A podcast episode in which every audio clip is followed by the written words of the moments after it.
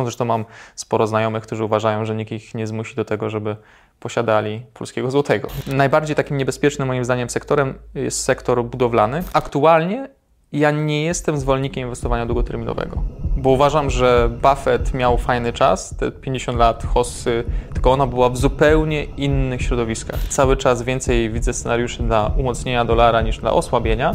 Na pewno bym nie postawił na zasadzie, dobra, to wymieniam wszystko na polskie złote i teraz jest super to, to by było bardzo nierozsądne, bo cały czas mamy niestety wybory przed nami. Nie wiem, czy sobie wyobrażasz, że teraz wyjdzie pan Morawiecki i powie, ze względu na mm, trudną sytuację gospodarczą musimy zabrać 500, plus, y, musimy ograniczyć wydatki i nie będziemy na przykład robić CPK. Jacek Jakubik, witam na kanale Finansowy Preppers.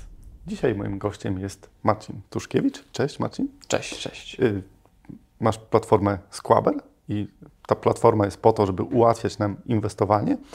I jakby tym chciałem płynnie przejść do tego, że chciałem dzisiaj Cię wypytać bardzo mocno o to, że jeżeli chcemy sobie ułatwić trochę życie, yy, widzimy, że nasze yy, powiedzmy 5 zł, które mamy, robi się za chwilę z nich 4, bo 20% inflacja nam tą złotówkę zabiera, yy, to jak możemy ochronić ten kapitał przed inflacją?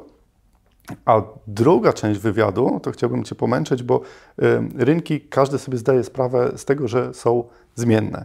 I wszystko to, co jakby mówimy dzisiaj, może przez takie czarne ptaki, czarne łabędzie, które przylecą do nas, jakby wszystko nam poprzewracać. I jak się na to przygotować, jak y, reagować na to, co się dzieje. I może byśmy zaczęli od takiego pytania, które strasznie często się y, pojawia. Czy dolar będzie po 6 zł? tak. Czy może więcej? Czy dolar jeszcze jest atrakcyjnym aktywem? To jest y, wątek jest światowy, bo to nie jest tylko tak, że my mamy ten problem. Nie? Tak jakby generalnie jak popatrzysz na świat, to wszyscy patrzą teraz na tego dolara i mówią, kurczę, ile on jeszcze będzie rósł, bo to tak drogie i nie, niedobre dla gospodarek, dla zadłużenia. E, I było dużo prognoz, że przebijemy ten 5, te 5 zł i polecimy już teraz do 6, a za chwilę do 10 zł za, mm, za dolara. Ja osobiście byłem zaskoczony tym ostatnim umocnieniem się, że ono było aż tak silne, bo ono początkowo wyglądało fajnie, taką standardową korektę, która miała być tam z 5 zł do tam 4,70, no i później dalej, mm, dalej wyżej. Korekta jest natomiast bardzo głęboka i to mnie zastanawia i ona jest widoczna wszędzie na rynkach, że ten dolar trochę odpuścił. E, pomimo tego, że nic się nie zmieniło. Cały czas Fed jest tym najbardziej jastrzębim bankiem centralnym, który mówi, że będzie podwyższał nawet wtedy, kiedy gospodarka będzie, y, na, na, może nie na kolanach, ale będzie się spowalniała, że będzie bezrobocie rosło i tak dalej. A z drugiej strony mamy co? No mamy Europejski Bank Centralny, który nie jest w stanie podwyższać tak mocno, jakby chciał, bo zaraz Włochy się wykoleją albo Hiszpania. Mm, e, z drugiej strony ma też Niemcy, które są stosunkowo e, mocną gospodarką dalej, pomimo tych problemów, które mają z energią. Mm, e, mamy też Wielką Brytanię, która już zdążyła się wycofać z programu zacieśniania polityki pieniężnej, czy podwyższają stopy, ale nie mogą programu skupu aktywów robić, mm, bo, bo im system emerytalny się za, załamywał.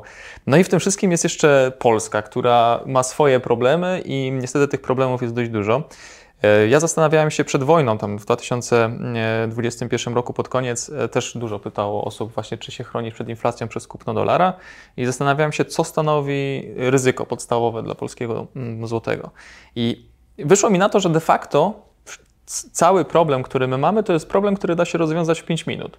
Bo tak, jednym z elementów, który jest problematyczny, który powoduje osłabienie polskiego złotego, no to jest luźna polityka pieniężna. Ona już de facto została zakończona, dalej jeszcze nie jest tak restrykcyjna, jakby mogła być, ale już dajmy na to, nie jest aż tak, aż tak źle, jak było.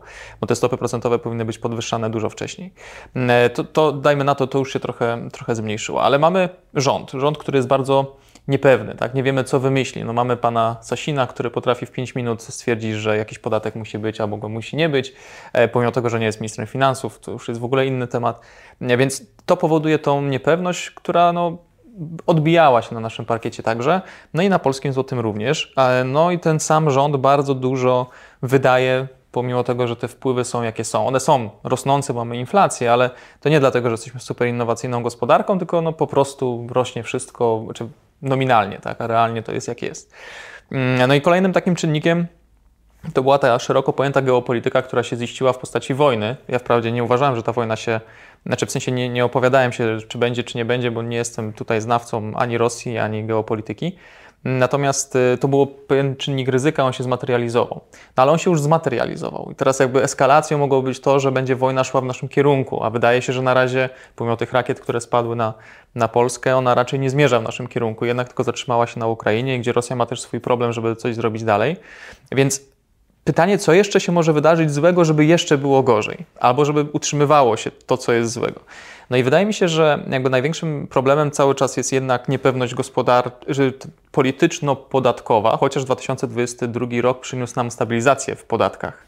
E, już tak? po tym nowym, nowym ładzie w czerwcu, który wszedł, już się nic nie kroi, tak? Znaczy w sensie takim... Poczekaj, poczekaj. e, więc e, i podobno, znaczy tutaj akurat znowu e, ta stabilizacja mi bardziej chodziło o to, że zmiany są, ale one nie są aż takie tragiczne tak dla ogółu, bo były, były bardzo złe w tym nowym ładzie, one w nowym, nowym ładzie zostały trochę poprawione, mm, e, więc wydaje się, że jakaś pewna stabilizacja tutaj jest. E, poza tymi pomysłami, które oczywiście rząd miał co do podatku, nazwijmy to podatku Sasina czy daniny Sasina. Więc e, tutaj gdzieś tam w stronę korporacji poszło. Tylko pamiętajmy, że korporacje to jest troszeczkę y, inaczej postrzegane, tak? no bo one sobie poradzą, zawsze sobie poradzą. Natomiast jeżeli robimy całe przemodelowanie podatku, systemu podatkowego y, na kolanie, które jest wdrażane dwa miesiące przed końcem roku podatkowego, no to to się nie może udać. Mi się nie udało. E, więc Tutaj, tutaj jakby to jest cały czas czynnik największego ryzyka, no bo mamy niestety wybory w 2023 roku. A mówię niestety dlatego, że yy, nie wiem, czy sobie wyobrażasz, że teraz wyjdzie pan Morawiecki powie, ze względu na mm, trudną sytuację gospodarczą musimy zabrać 500, plus, yy, musimy ograniczyć wydatki i nie będziemy na przykład robić CPK, tylko E, śni mi się to noc, więc wyobrazić sobie to mogę, ale to, tak naprawdę ten sen to jest sen nie do zrealizowania, żebyśmy jakby y, zaczęli być państwem jakby rozważnym i roz, oszczędnym, a nie rozrzutnym i y, oni... bardzo, bardzo hojnym i to jeszcze nie ze swojej kasy. No właśnie, ale oni, oni jakby wygrali wybory przez to, że mieli takie hasła, więc trudno, żeby nagle jakby liczyli, że wygrają wybory innymi hasłami. Jakby ja to dość pragmatycznie staram się patrzeć. E, więc jakby to jest dla mnie największy problem. Oczywiście dolar swoim życiem żyje i cały czas więcej widzę scenariuszy dla umocnienia dolara niż dla osłabienia. I ja osobiście na przykład cały czas te dolary gdzieś tam mam, więc nie pozbywam się, się dolarów. Chociaż wolę aktywa niż same waluty, więc mam na przykład akcje denominowane w dolarach, a nie same dolary. Dolary też, ale nie, nie aż tyle. Natomiast tutaj zmierzam do tego, że to jest ten moment, w którym prawdopodobnie, jeżeli ma polski złoty się osłabiać, to za chwilę się zacznie znowu osłabiać. Natomiast jeżeli zaczniemy spadać poniżej 4,50, poniżej 4,40, no to już tak na wykresach to będzie wyglądało, żeby było przełamanie trendu i coś, o czym musimy, nie, możemy, nie musimy wiedzieć, tak? bo pamiętajmy, że nie wiem, Stany, Stany Zjednoczone chcą wesprzeć nas w budowie elektrowni atomowej, tak przynajmniej jaka jest narracja, jak jest w rzeczywistości, tego nie wiemy, bo żadnych dokumentów oficjalnych nie mamy. Mm, e, a nie inwestowaliby, gdyby bali się, że zaraz będzie wojna u nas, tak? No jednak też chyba o tym pamiętać, że gwarancje mm, zazwyczaj są dawane przez państwo, y, gwarancje finansowe są dawane przez państwo, które transmituje swoją technologię, więc w tym przypadku Stany Zjednoczone razem z Westinghouse'em e, by te gwarancje dawały. Mm, e, więc wydaje się, że tutaj jakaś pewna stabilizacja jest, no i ten wzrost WIG-u 20 o 30%, praktycznie nieprzerwany dzień w dzień, wskazuje, że jakiś kapitał zagraniczny napłynął. Polski kapitał by tego nie zrobił. E, więc coś się pozytywnego wydarzyło. Być może to jest odwrócenie sentymentu, odwrócenie trendu i dno już jest za nami. E, natomiast na pewno bym nie postawił na zasadzie, dobra, to wymieniam wszystko na polskie złote i teraz jest super. To, to by było bardzo nierozsądne, bo cały czas mamy niestety wybory przed nami, więc dobrze mieć cały czas dywersyfikację poza, poza Polską. Zresztą mam sporo znajomych, którzy uważają, że nikt ich nie zmusi do tego, żeby posiadali polskiego złotego, więc, więc niestety to jest smutne, tak? Że, bo, bo, pamiętajmy, że to jest samo napędzająca się historia. Jeżeli większość z nas zacznie tak myśleć, to my będziemy powodowali hiperinflację i że może hiperinflację to jeszcze daleko, ale superinflację czy, czy bardzo, bardzo wysoką. Nie, więc kończąc, uważam, że dobrze mieć waluty obce w portfelu, E, czy dolar uważam, że na razie jest najsilniejszą walutą i, i wie, wiele, wiele, wiele przemawia do tego, żeby tak było. Natomiast jesteśmy w takim świecie, w takich czasach, w których to się może odwrócić w tydzień. Wystarczy, że wojna się skończy, Rosja zostanie w cudzysłowie oczywiście rozebrana, być może skrajnie nieprawdopodobny scenariusz, ale wyobraźmy sobie, że taka sytuacja ma miejsce, no i co wtedy? No Polska stanie się rajem, tak? no bo będziemy mieli wyjście na cały wschód, całą Ukrainę, Białoruś, która przecież zostanie bez nadzorcy, nazwijmy to, tak? Więc mm, no, Polska stanie się bardzo fantastycznym, czy bardzo atrakcyjnym krajem do inwestycji, żeby mieć to w kraju cywilizowanym otwarcie na, na wschód. Więc zresztą też słyszałem takiego podcastu ostatnio, mm, w którym byłem zaskoczony, taki podcast dość, e, znaczy międzynarodowy podcast, w którym padło słowo Polska w kontekście inwestycji jako okazji co byłem w szoku, bo do tej pory zawsze to było, jak już się pojawiało, to tam tu bomba, bo tu jakiś rząd, coś takiego, a tutaj, że to jest okazja, bo może się takie coś pojawi. Więc ten kapitał zagraniczny gdzieś tutaj migruje. Okay.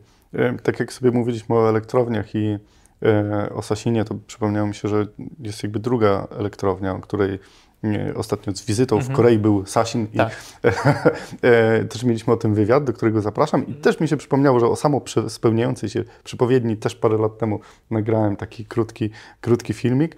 Y, ale wracając do tych walut, które waluty mogą być interesujące na, dla nas, dla inwestujących w złotówkach? Pamiętajmy, że gramy na obronę inflacji, nie gramy na turbowzrosty, chcemy, chcemy się obronić. Tak, chcemy się obronić. Y, trzeba zastanowić się nad tym, co jest powodem inflacji i które kraje, bo to jest problem globalny. Polska ma dużą inflację, ale to nie jest tak, że my jesteśmy odosobieni. Tak? Mamy swoje podstawy fundamentalne pod to, że ta inflacja jest wyższa, ale nie jesteśmy jedyni. Największym powodem wzrostów inflacji jest y, energia. Ogólnie rozumiana, zarówno ta elektryczna, cieplna, czy żywność też jest pewnego rodzaju energią, tak? którą, czy nawet nie pewnego rodzaju, tylko po prostu energią, którą my, my dostajemy z kolei.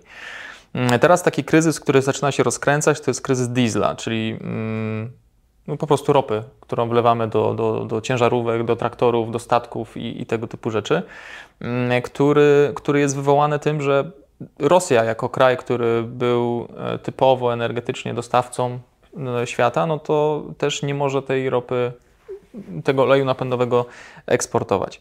A my nie mamy rafinerii, które mogą to robić w takim stopniu, jaka jest potrzebna. Więc wydaje się, że kraje, które mają wystarczająco dużo energii, aby ją eksportować, czyli mają na swój użytek oraz eksportują, to są kraje, w których będzie dobrze. Są Stany Zjednoczone, Kanada, Australia, Norwegia ma swoje problemy jeszcze, bo poza gazem oni mają tam jeszcze inne, inne kwestie. Zresztą korona norweska to pokazuje, że nie zyskuje jakoś znacząco. Więc to są takie trzy kraje, które na pierwszy rzut oka wyglądają dość atrakcyjnie. E, natomiast każdy z nich ma jakiś swój problem. Na przykład Australia jest mocno skorelowana z Chinami, więc jak Chiny zaczynają mieć problem, no to Australia oczywiście dostaje czkawką.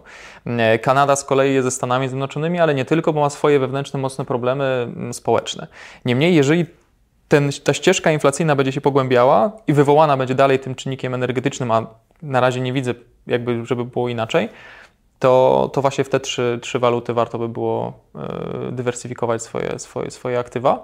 Mm, a ja bym cały czas rozważał pewną jakąś część dywersyfikacji w twarde aktywa, czyli rzeczy, które, znaczy twarde lub poprzez ekspozycję ETF-ową czy akcyjną na spółki, które produkują lub wydobywają takie twarde aktywa. No, nawet taki KGHM, pomimo tego, że jest związany z miedzią, która jest związana z kolei ze wzrostem gospodarczym, więc jak Chiny będą miały problem, to miedź nie będzie drożała, ale musimy być świadomi, że poprzez wzrost kosztów wszystkiego wydobycie miedzi też drożeje i KGHM nie będzie w stanie sprzedawać miedzi tak samo tanio, jak sprzedawał 3-4 lata temu. No po prostu koszty produkcji są wyższe.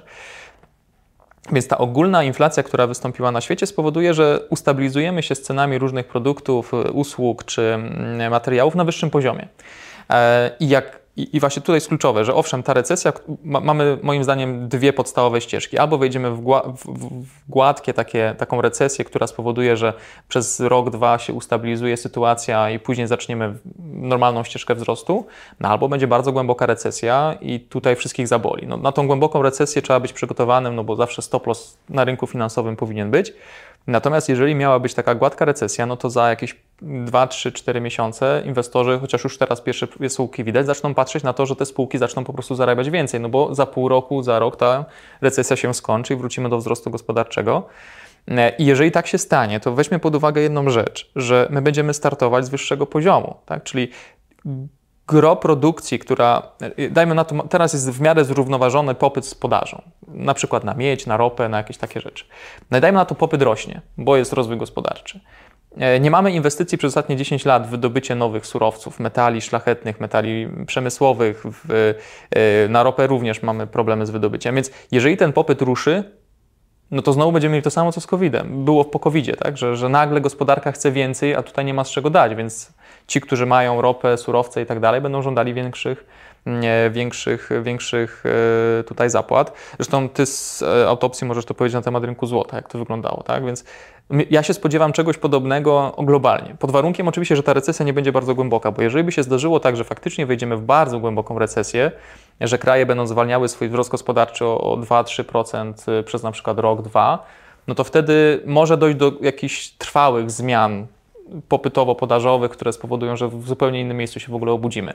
No ale myślę, że wszyscy na razie jednak liczą na to, że rządy, chcąc się utrzymać, będą starały się tak prowadzić gospodarkę, żeby tej recesji nie było, co z kolei prowadzi nas do trzeciego scenariusza bardzo niebezpiecznego, czyli bardzo wysokiej inflacji przez długi czas. Mhm. Czy jakby scenariusz stagflacyjny, czyli duża inflacja z dużym spowolnieniem gospodarczym jest dla Ciebie bardzo realny? Jest realny na tyle mocno, żeby go rozważać. E, natomiast nie uważam, żeby to był scenariusz, który musi się ziścić, bo tak jak powiedziałem, e, wydaje mi się, że rządzący będą starali się gdzieś to wypośrodkować i, i w tym ujęciu e, może być tak, że ta stagflacja bardzo szybko przerodzi się we wzrost, w inflacyjny wzrost gospodarczy. Że może bezrobocia nie będzie dużego, ale jednak cały czas będziemy mieli inflację taką w Polsce tam powyżej 10%, a na świecie powyżej 5%. Nie, więc, bo jakby problemem jest dług, zadłużenie. Świata, zadłużenie świata jest bardzo wysokie. Jednym z najprostszych metod do tego, żeby się go pozbyć jest po prostu inflacja, która go zżera e, z roku na rok, e, przy jednocześnie założeniu, że państwa nie będą emitowały tego dużo, dużo więcej, no to po, po 10 latach już nie będziemy mieli zadłużenia. No i super, nie? Tylko, że po drodze ludzie zbiednieją już totalnie. Dlatego uważam, że to, co, znaczy, nie wiem, myślę, że łatwo sobie wyobrazić, tak, że wyłączmy, nie mamy pieniądza, jakby nie ma pieniądza na świecie. E, nie jesteśmy w stanie go niczym zastąpić, dajmy na to, złoto nie jest substytutem pieniądza, no to co, no ktoś ma jajka, ktoś ma kurę, ktoś ma jakieś inne rzeczy, tak, i się wymieniamy tym dobrami, Bardzo. więc jak, dokładnie i, i jakby w takim świecie, w którym zaczynamy mieć, mm, y, i mówię teraz o świecie globalnym, no to zawsze te twarde aktywa mają po prostu sens, bo one swoją wartość zawsze mają produkcyjną. No oczywiście ja nie mówię tutaj o tym, żeby teraz kupować jajka i przechowywać i zaraz komuś je tam sprzedawać, tylko bardziej chodzi o to, że się w tym świecie finansowym odnaleźć takie rzeczy, których po prostu świat będzie potrzebował. Y, I, i na nie się ja, ja dlatego celowo zacząłem od walut, bo no. Y, zanim przejdziemy do, do spółek, które też produkują takie twarde mm. aktywa, czy powiedzmy do instrumentów finansowych, które są y, odzwierciedleniem tych, y, tych cen, to chciałbym, żebyśmy się zastanowili nad właśnie ryzykiem kursowym, bo my inwestując w złotówce, przeważnie mamy otwarcie na rynki, które są e, dosyć interesujące za granicą. Czy Chiny, czy Stany, czy właśnie Australia. Są różne rynki y, na świecie, które są obarczone, oprócz tego, że może fajnie wzrosną, są obarczone ryzykiem kursowym. Dlatego zacząłem od walut, a teraz jakbyśmy sobie powiedzieli o tym, w które spółki, w które sektory gospodarki, może masz jakieś typy, jakieś fajne instrumenty finansowe, które mogłyby płacić fajną dywidendę albo też dawać nam perspektywę na obronę kapitału przed inflacją. O, to jest y, trudne pytanie, bo musimy zaznaczyć, że nagrywamy to 23 listopada, więc jutro może się świat zmienić. E, natomiast e, ja osobiście aktualnie cały czas e, jestem na, na, na długiej pozycji na uranie. E, uważam, że ten sektor ma perspektywy e, rozwojowe.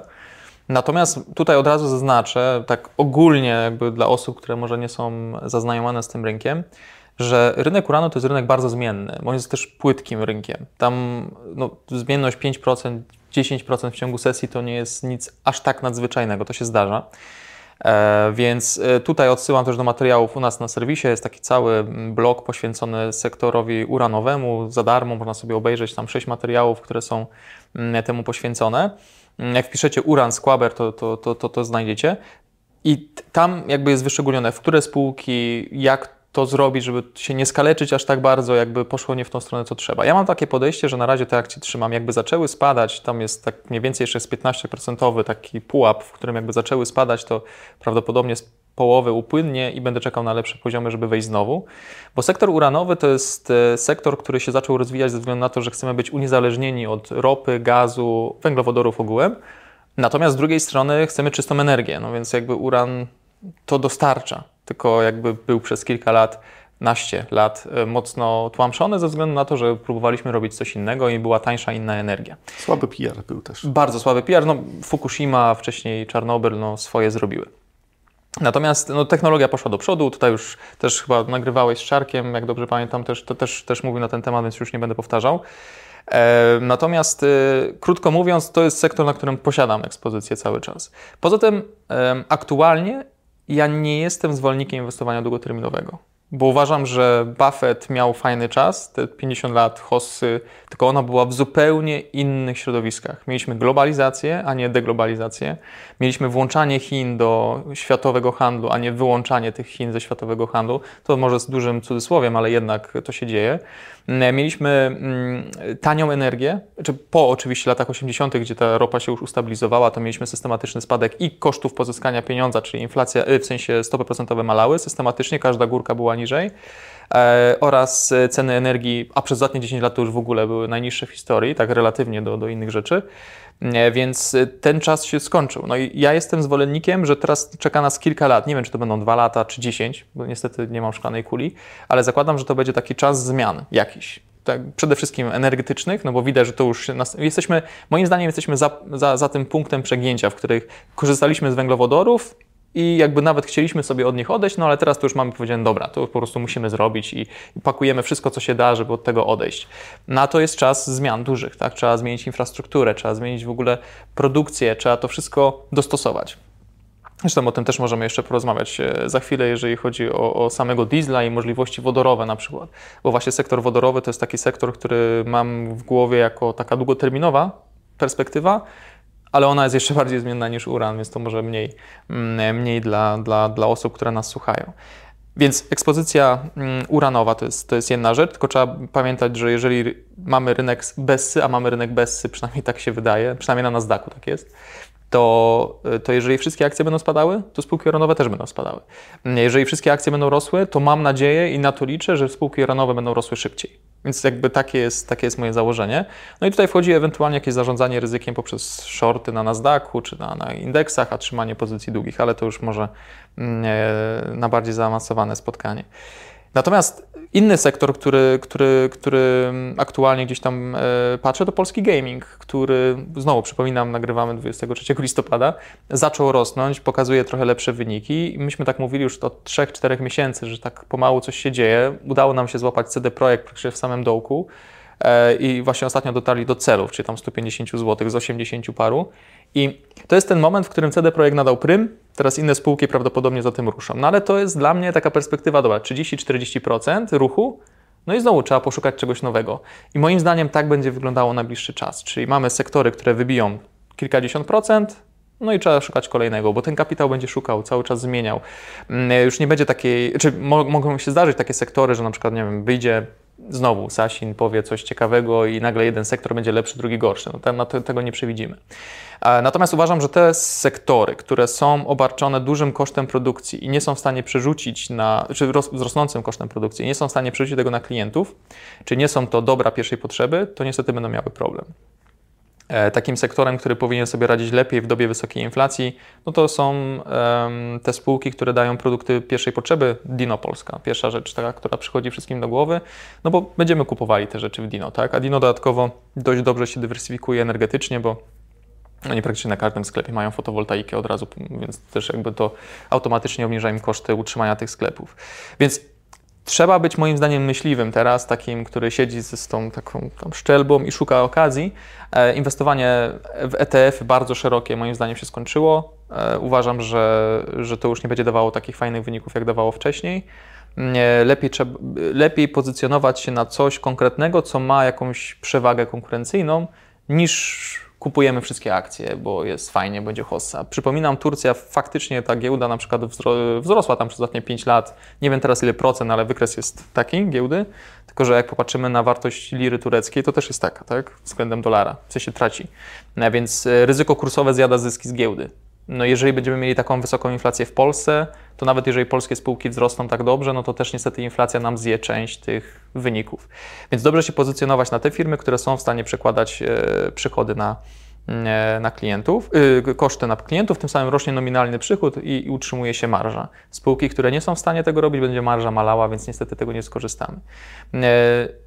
Najbardziej takim niebezpiecznym moim zdaniem sektorem jest sektor budowlany, który z jednej strony może wystrzelić, bo nagle rząd coś powie fajnego i znowu będzie ruch wzrostowy, ale z drugiej strony jest to sektor, który jest bardzo mocno obarczony kosztami energii oraz wzrostu stóp procentowych, no bo niestety Polacy jak nie będą mieli pieniędzy na to, żeby budować domy, no to część firm się tutaj już mm, wycofa.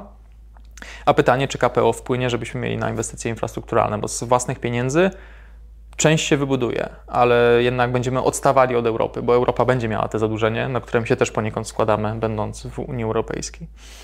Więc nie ma prostego, prostej odpowiedzi na to pytanie. Ja bym chciał tak powiedzieć komuś, kup to i, i, trzymaj, ale to jest czas, w którym to by było chyba nieodpowiedzialne. Znaczy nawet nie chyba, tylko na pewno, bo ja sam tak nie robię. Tak? Nie będę komuś mówił, że tak, tak, tak, tak robić. Ale na przykład y, taką spółką, która utrzymuje w portfelu od dłuższego czasu, to jest wbrew wielu, to jest PZU, które mam od y, dołków covidowych y, i wielokrotnie mówiłem, że poniżej 30 zł to jest dobra okazja. Sam zwątpiłem, jak ostatnio spadało poniżej 30 zł, bo już stwierdziłem, że już te spółki Skarbu Państwa to już ciężko wytrzymać w portfelu, ale, ale też zreflektowałem się, utrzymałem tą pozycję i, i, i zaczyna PZU łagodzić sobie swoje najgorsze problemy, czyli zwiększają się składki na ubezpieczenia OC, co było dużym problemem e, w PZU i w ogóle w ubezpieczalniach. Więc to jest taki, nie chciałbym powiedzieć pewnik, bo nie ma czegoś takiego na giełdzie, E, natomiast y, myślę, że pod kątem dywidendy to jest coś, co powinno tą dywidendę płacić. Mam nadzieję, że mi się to nie odbije czkawką za jakiś czas. Ale pamiętajcie, że możecie zawsze mnie odsłuchać gdzieś tam na jakichś materiałach. Staram się zawsze e, aktualizować takie prognozy czy, czy pomysły. Miałem takie myśli, żeby z Tobą przedstawić to z perspektywy na przykład takich osób jak moi rodzice, którzy mają lokatę, powiedzmy chcą zamienić na coś, co bardziej ochroni ich przed inflacją. E, jakby ty mówisz, że to jest czas myśliwych, czas, czas łowców okazji e, i że powinniśmy polować, śledzić i być na bieżąco. Mhm. Ja rozumiem, że rynek jest zmienny, rynek jest cały czas zmienny, ale czy dla takich ludzi jest jakieś rozwiązanie? Są jakieś takie bezpieczne przystanie, w które mogą zaparkować i liczyć na coś więcej. Na przykład, tak jak powiedziałeś o PZU, mhm. ta dywidenda, czy są jeszcze takie spółki, bądź nie wiem, może kryptowaluty, może yy, nieruchomości, może mhm. coś, w co powinni jednak yy, włożyć te pieniądze zamiast lokaty, czy, czy ok, powiedzieć im, yy, pogódźcie się ze stratą, jest inflacja, no trudno, włożycie sobie na lokatę, będziecie mieli 8%, mhm. Y, inflacja będzie 18, 10, spiszcie na straty minus oczywiście podatek dochodowy. Y, powiem tak, y, uważam, że część kapitału powinno się wsadzić w coś może bardziej zmiennego, natomiast y, ja mam raczej takie stwierdzenie, że aktualnie gotówka to jest raczej dobro, które powinniśmy mieć, niż pakować się od razu za wcześnie w jakieś aktywa. Więc podsumowując, Uważam, że dobrze jeszcze poczekać na wyklarowanie się trochę sytuacji, bo teraz mamy takie pierwsze podbicia, że coś się zaczyna pozytywnego dziać, bo wydaje się, że jeżeli wydaje się, że zbliżamy się do momentu, w którym to naprawdę będą okazje znowu dziesięciolecia, tak żeby kupić jakieś aktywa, akcje, które po prostu dadzą zarobić.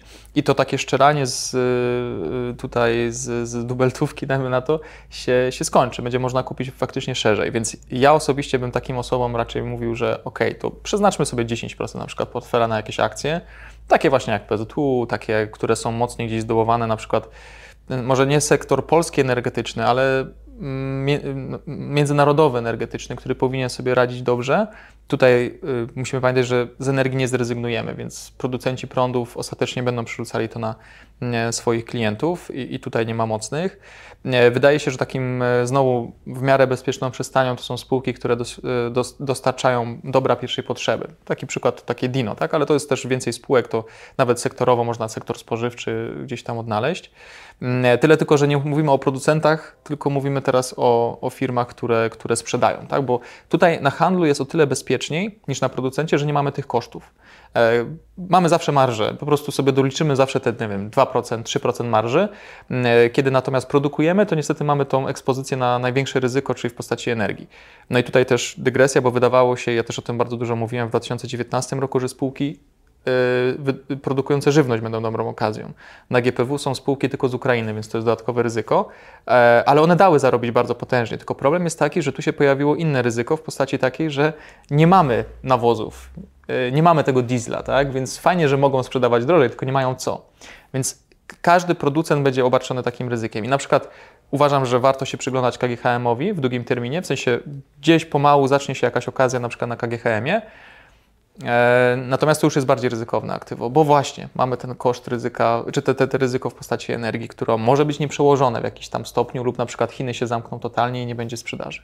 Więc patrzymy na to, mm, na te usługi, z których, na te usługi, produkty, z których nie bardzo możemy zrezygnować, sektor sprzedaży detalicznej takiej pierwszej potrzeby, mm, e, natomiast uciekamy od rzeczy, z których ludzie będą w pierwszej kolejności rezygnować. Na przykład już się pojawiają artykuły, że sprzedaż telefonów siada, tak? no, bo trudno sobie wyobrazić, że ktoś teraz wyrzuci 8 tysięcy na telefon najnowszej generacji, bo po co, tak? skoro jeszcze stary działa, a w sumie mamy inne, inne, inne potrzeby.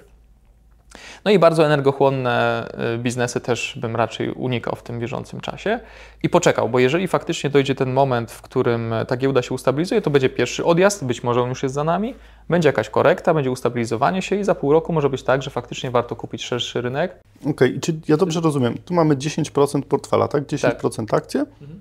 A co zresztą, bo jeszcze mamy 90. E, dalej to, to, uważam. Chyba nie, nie, sama gotówka. Nie, nie, nie, nie. Dalej uważam, że warto, warto pozycjonować się na, na złoto i srebro. E, na zasadzie po prostu kupna czy fizycznego, czy nawet papierowego w postaci ETF-ów, choć tutaj pojawiają się głosy, że rozbieżność między fizycznym a, papierowym może być ogromna. Ona się teraz pojawia. E, ja osobiście kupowałem też w sumie srebro dość dawno temu, natomiast złoto stosunkowo niedawno, bo jakieś pół roku temu fizyczne, więc do, do, dokupywałem w sumie, ale, ale mimo wszystko y, uważam, że to jest też znowu, nawet uważam, że 10% portfela to już jest za dużo fizyczne złoto i srebro dla osób, które e, nie zarządzają, w sensie nie mają bardzo dużo kapitału, bo y, to jest jednak no, no, mało płynne aktywo. Jak będzie potrzeba faktycznie je sprzedać, to musimy się pogodzić z tym, że marża może nagle spaść bardzo znacząco. W sensie pojawić się duża rozbieżność między kupnem a sprzedażą. Więc tam się lokuje pewną część kapitału. Uważam, że 2, 3, 5% to jest coś, co, co w zupełności wystarczy. E, cały czas nieruchomości są e, fajnym aktywem, aczkolwiek uważam, że e, dobra lokalizacja się będzie broniła, a nie ogół inwestycji, tak? Czyli albo dobre działki, albo dobre mieszkania i to się powinno obronić albo pod wynajem, albo pod sprzedaż w dłuższym terminie i to dla osób, które mają większy kapitał.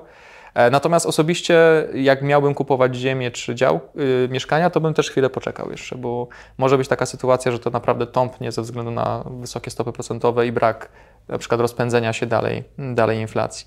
E, osobiście też mam taką sytuację, że, że na przykład z częścią kapitału cały czas właśnie czekam na taką okazję, żeby nieruchomość jakąś y, kupić, mm, czy, czy, czy, czy zbudować może, ale właśnie to jest ten moment takiej niepewności, w której jesteśmy teraz. No, e, nie wiemy, co się wydarzy, i są dwa skrajne scenariusze. Może być scenariusz, w którym będzie totalna zapaść gospodarcza i będziemy mieli wszystko o połowę tańsze za chwilę, a może być tak, że będziemy mieli hiperinflację i będziemy gonić za czymkolwiek, bo po prostu nic nie będzie i to jest duża niepewność. Więc 10% portfela w jakieś e, akcje, pewna część portfela, nieduża w metale szlachetne to powinno też być. Jeżeli ktoś ma, no to dobrze.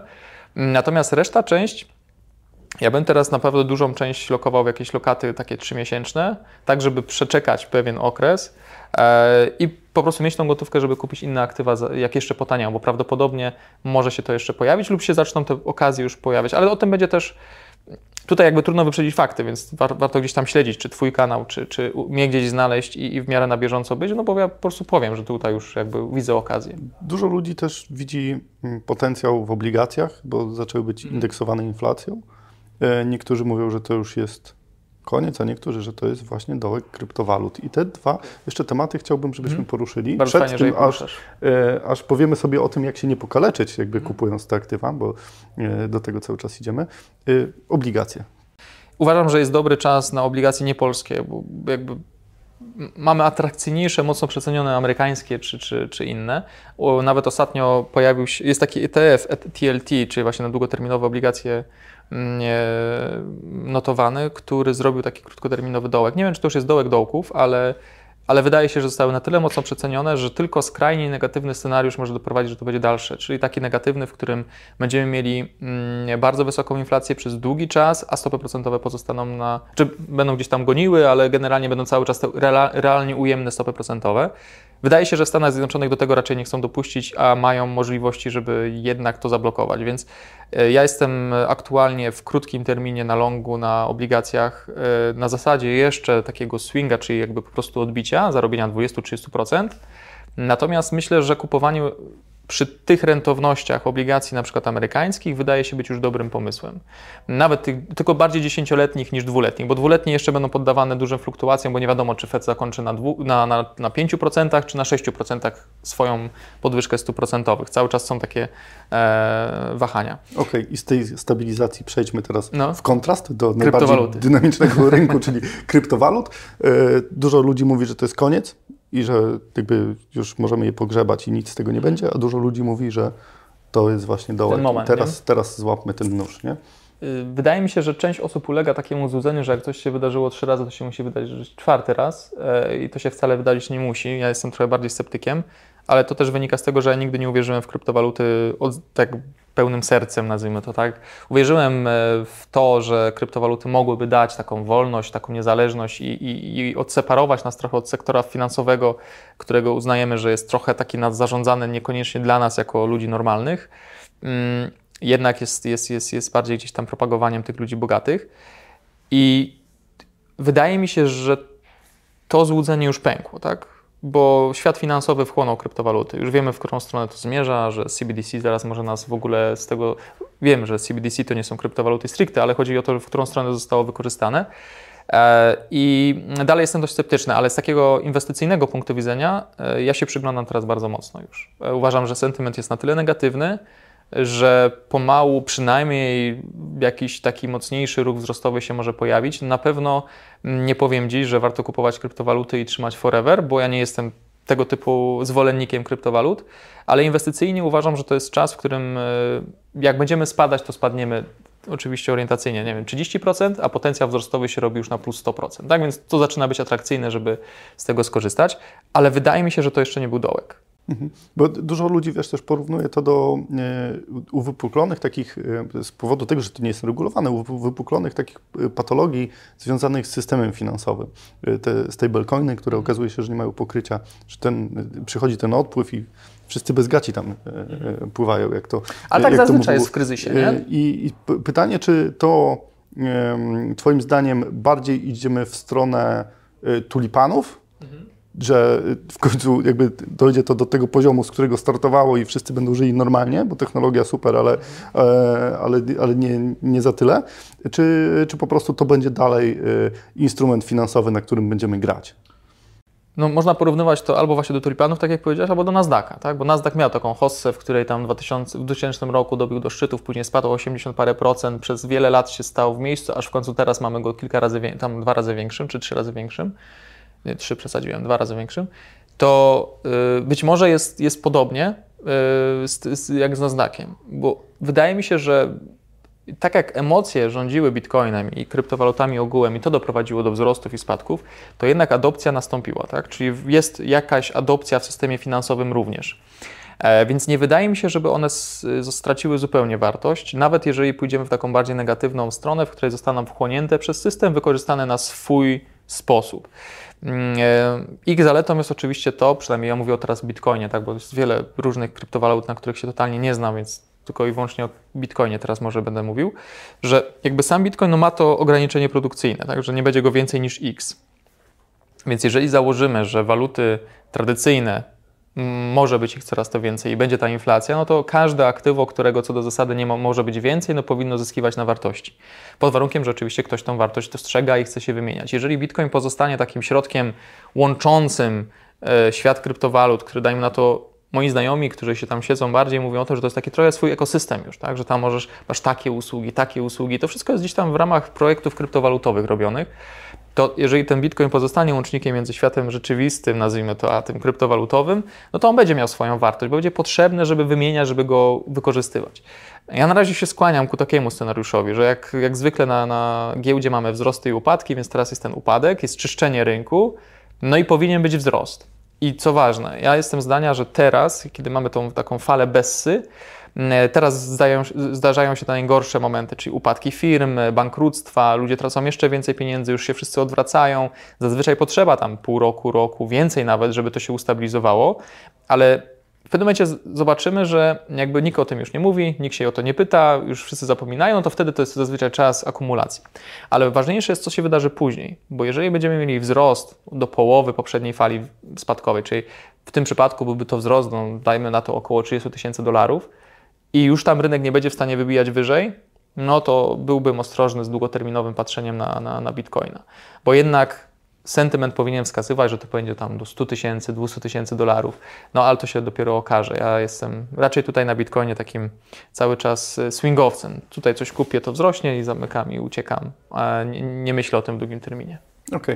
Okay. E, jak już sobie powiedzieliśmy, jak mniej więcej mógłby wyglądać nasz portfel chroniący przed e, inflacją, to teraz jakie zagrożenia mogą być i których musimy unikać, albo które sytuacje powinniśmy wykorzystać w inny sposób niż teraz zakładamy. Bo założyliśmy sobie na początku, że y, jedyne, co jest pewne na rynku, to zmienność. zmienność. tak. No, pierwsza rzecz musimy wyjść od dolara, bo tak jak wspomniałem na początku, cały czas ten dolar jest silny i jest uznawany za walutę, która przyciąga najwięcej kapitału z różnych powodów. Jednym, jednym z nich jest agresywna polityka pieniężna Banku Centralnego Stanów Zjednoczonych. I ona się utrzymuje, więc pierwszym momentem, w którym powinniśmy być e, zaalertowani, że coś się dzieje nie tak, e, inaczej, dzieje się inaczej niż założyliśmy, to jest to, że Fed zaprzestanie podwyżek stóp procentowych, ale to jeszcze nie jest ten moment. Zaprzestanie i powie, że chce obniżać, bo jeżeli podwyższy stopy procentowe na przykład do tam 4,5%, dajmy na to 5%, niech będzie i na tym się zatrzyma i powie, że teraz trzymamy tak długo, aż inflacja spadnie i faktycznie będą trzymali pół roku, rok, to to dalej jest jastrzębie, to nie jest pivot. Dużo ludzi teraz mówi o piwocie, że pi pivocie, że e, Fed zmieni swoją politykę o 180 stopni i zaczynamy znowu drukować i będzie wielka hossa. Y, na razie Fed w ogóle o tym nie mówi. W ogóle. Jakby on mówi wprost, że będzie utrzymywał stopy procentowe długo na wysokim poziomie.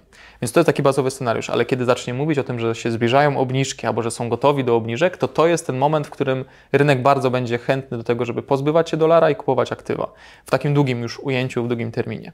Co więcej, uważam, że y, polska giełda jest mocniej przeceniona, dużo mocniej, czy to jest fakt, ona jest mocniej przeceniona niż giełda amerykańska nie, chociażby patrząc przez wskaźniki cena do zysku, to tam mamy prawie 18. E, na małych spółkach jest niższa wycena cena do zysku, ale jednak to jest cały czas wysoko, a w Polsce mamy mniejszą, tam 10, 11, więc relatywnie Polska jest tania. Więc jeżeli znowu wojna na Ukrainie by się skończyła, a dla nas najlepsze byłoby, jakby się zakończyła w jakimś stopniu ukaraniem Rosji, tak? czyli Rosja by była mm, e, gospodarczo słabsza, albo dajmy na to byłby rozejm Moim zdaniem takim e, scenariuszem pozytywnym dla Polski to już by był wystarczający rozejm, w którym Ukraina odzyskuje swoje terytoria, a Rosja dalej ma utrzymywane embargo na wszelkie te rzeczy, które do tej pory były, te wszystkie restrykcje. To wtedy dla Polski będzie to bardzo dobry czynnik prowzrostowy i polska giełda wystrzeli. Prawdopodobnie kilkadziesiąt procent w rok to będzie minimum, co zostanie zrobione. Dlatego, że staniemy się tym hubem już nie broni, tylko gospodarczym do Ukrainy. Nawet jak sami nie zarobimy na tej odbudowie, no to poprzez transfer wszystkich tych pieniędzy i, i środków do, do Ukrainy podejrzewam, że jakaś współpraca z Ukrainą też będzie miała miejsce. To są takie dwa najważniejsze, dwa najważniejsze, dwa, dwie dwa, dwa najważniejsze wydarzenia, które się mogą wydarzyć, które powinny zmienić nasze myślenie z takiego ostrożnościowego na hura optymizm, giełdowy czy gospodarczy to jest zupełnie inny temat. To możemy sobie w ogóle osobny odcinek nagrać na temat gospodarki, ale. Okay, to za chwilę.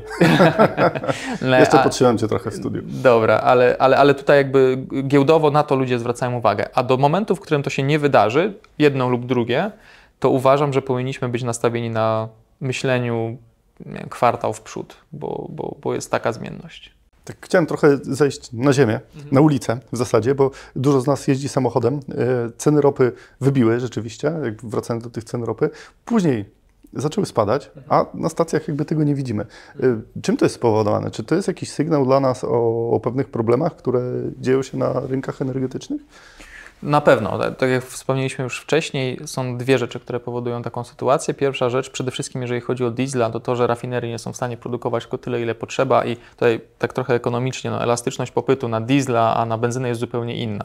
Diesel jest potrzebny do transportu, do produkcji żywności, do transportu ciężkiego, i tam po prostu koszty są przerzucane na klientów ostatecznie, tak, odbiorców.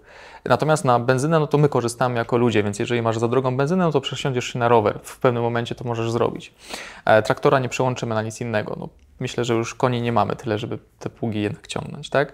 E, więc ta elastyczność powoduje, że rozbieżność między dieslem a benzyną rośnie na korzyść diesla, czyli diesel jest coraz droższy.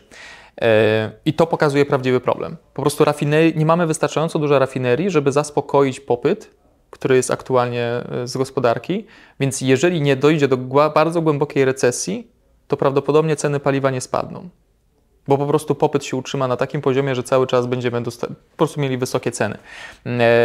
Chyba, że oczywiście utworzymy kolejne rafinerie, ale nie wiem, co na to ci od emisji CO2, czy, czy pozwolą na to, czy nie. E, więc tutaj, tutaj mamy taki problem. E, I to jest powód, dla którego nie obserwujemy spadków e, na benzyny od miesiąca pra praktycznie, kiedy mamy umocnienie się polskiego złotego z 5 zł do 4,50, praktycznie tam 4,60 oraz spadek ceny ropy z, w przeciągu miesiąca z 90, no tam się fluktuuje cały czas, ale między 90 a 78 dolarów za baryłkę ropy, więc też ta rozbieżność jest dość duża, więc można by było powiedzieć, że jest teraz w okolicach 80 dolarów, więc to jest dużo mniej niż 120, jak było pół roku temu. Tak? E, więc e, i, i tutaj niestety oczekuję, że to się będzie utrzymywało, bo dopóki nie będziemy importowali na przykład, bo może być taka sytuacja, że wyobraźmy sobie Chiny zwalniają tak mocno, że zaczynają eksportować ze swoich rafinerii diesla, e, benzynę i już nie ropę samą, tak, tylko przetworzoną e, do Europy na przykład, no to wtedy ten problem się załagodzi, no ale to jest proces, który potrwa e, i musi się zdarzyć to spowolnienie w Chinach, a tam starają się pompować pieniądz w gospodarkę.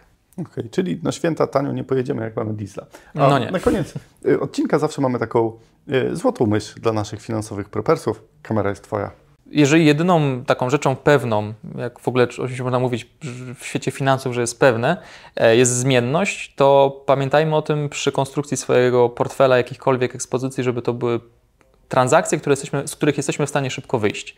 E, bo wydaje się, że to jest ten czas, w którym powinniśmy mieć pełną kontrolę nad swoim portfelem, e, więc kupno mało płynnych aktywów za dużą część swojego portfela jest po prostu aktualnie ryzykowne i tego bym się nie chwytał, więc na przykład kupno za wszystko złota nie jest najlepszym rozwiązaniem, bo nie, nie wymienicie tego złota wtedy, kiedy będzie to najbardziej dla Was potrzebne, a z drugiej strony kupno za wszystko mieszkania też nie jest najlepszym rozwiązaniem, bo nie sprzedacie tego mieszkania wtedy, kiedy będziecie potrzebowali gotówki.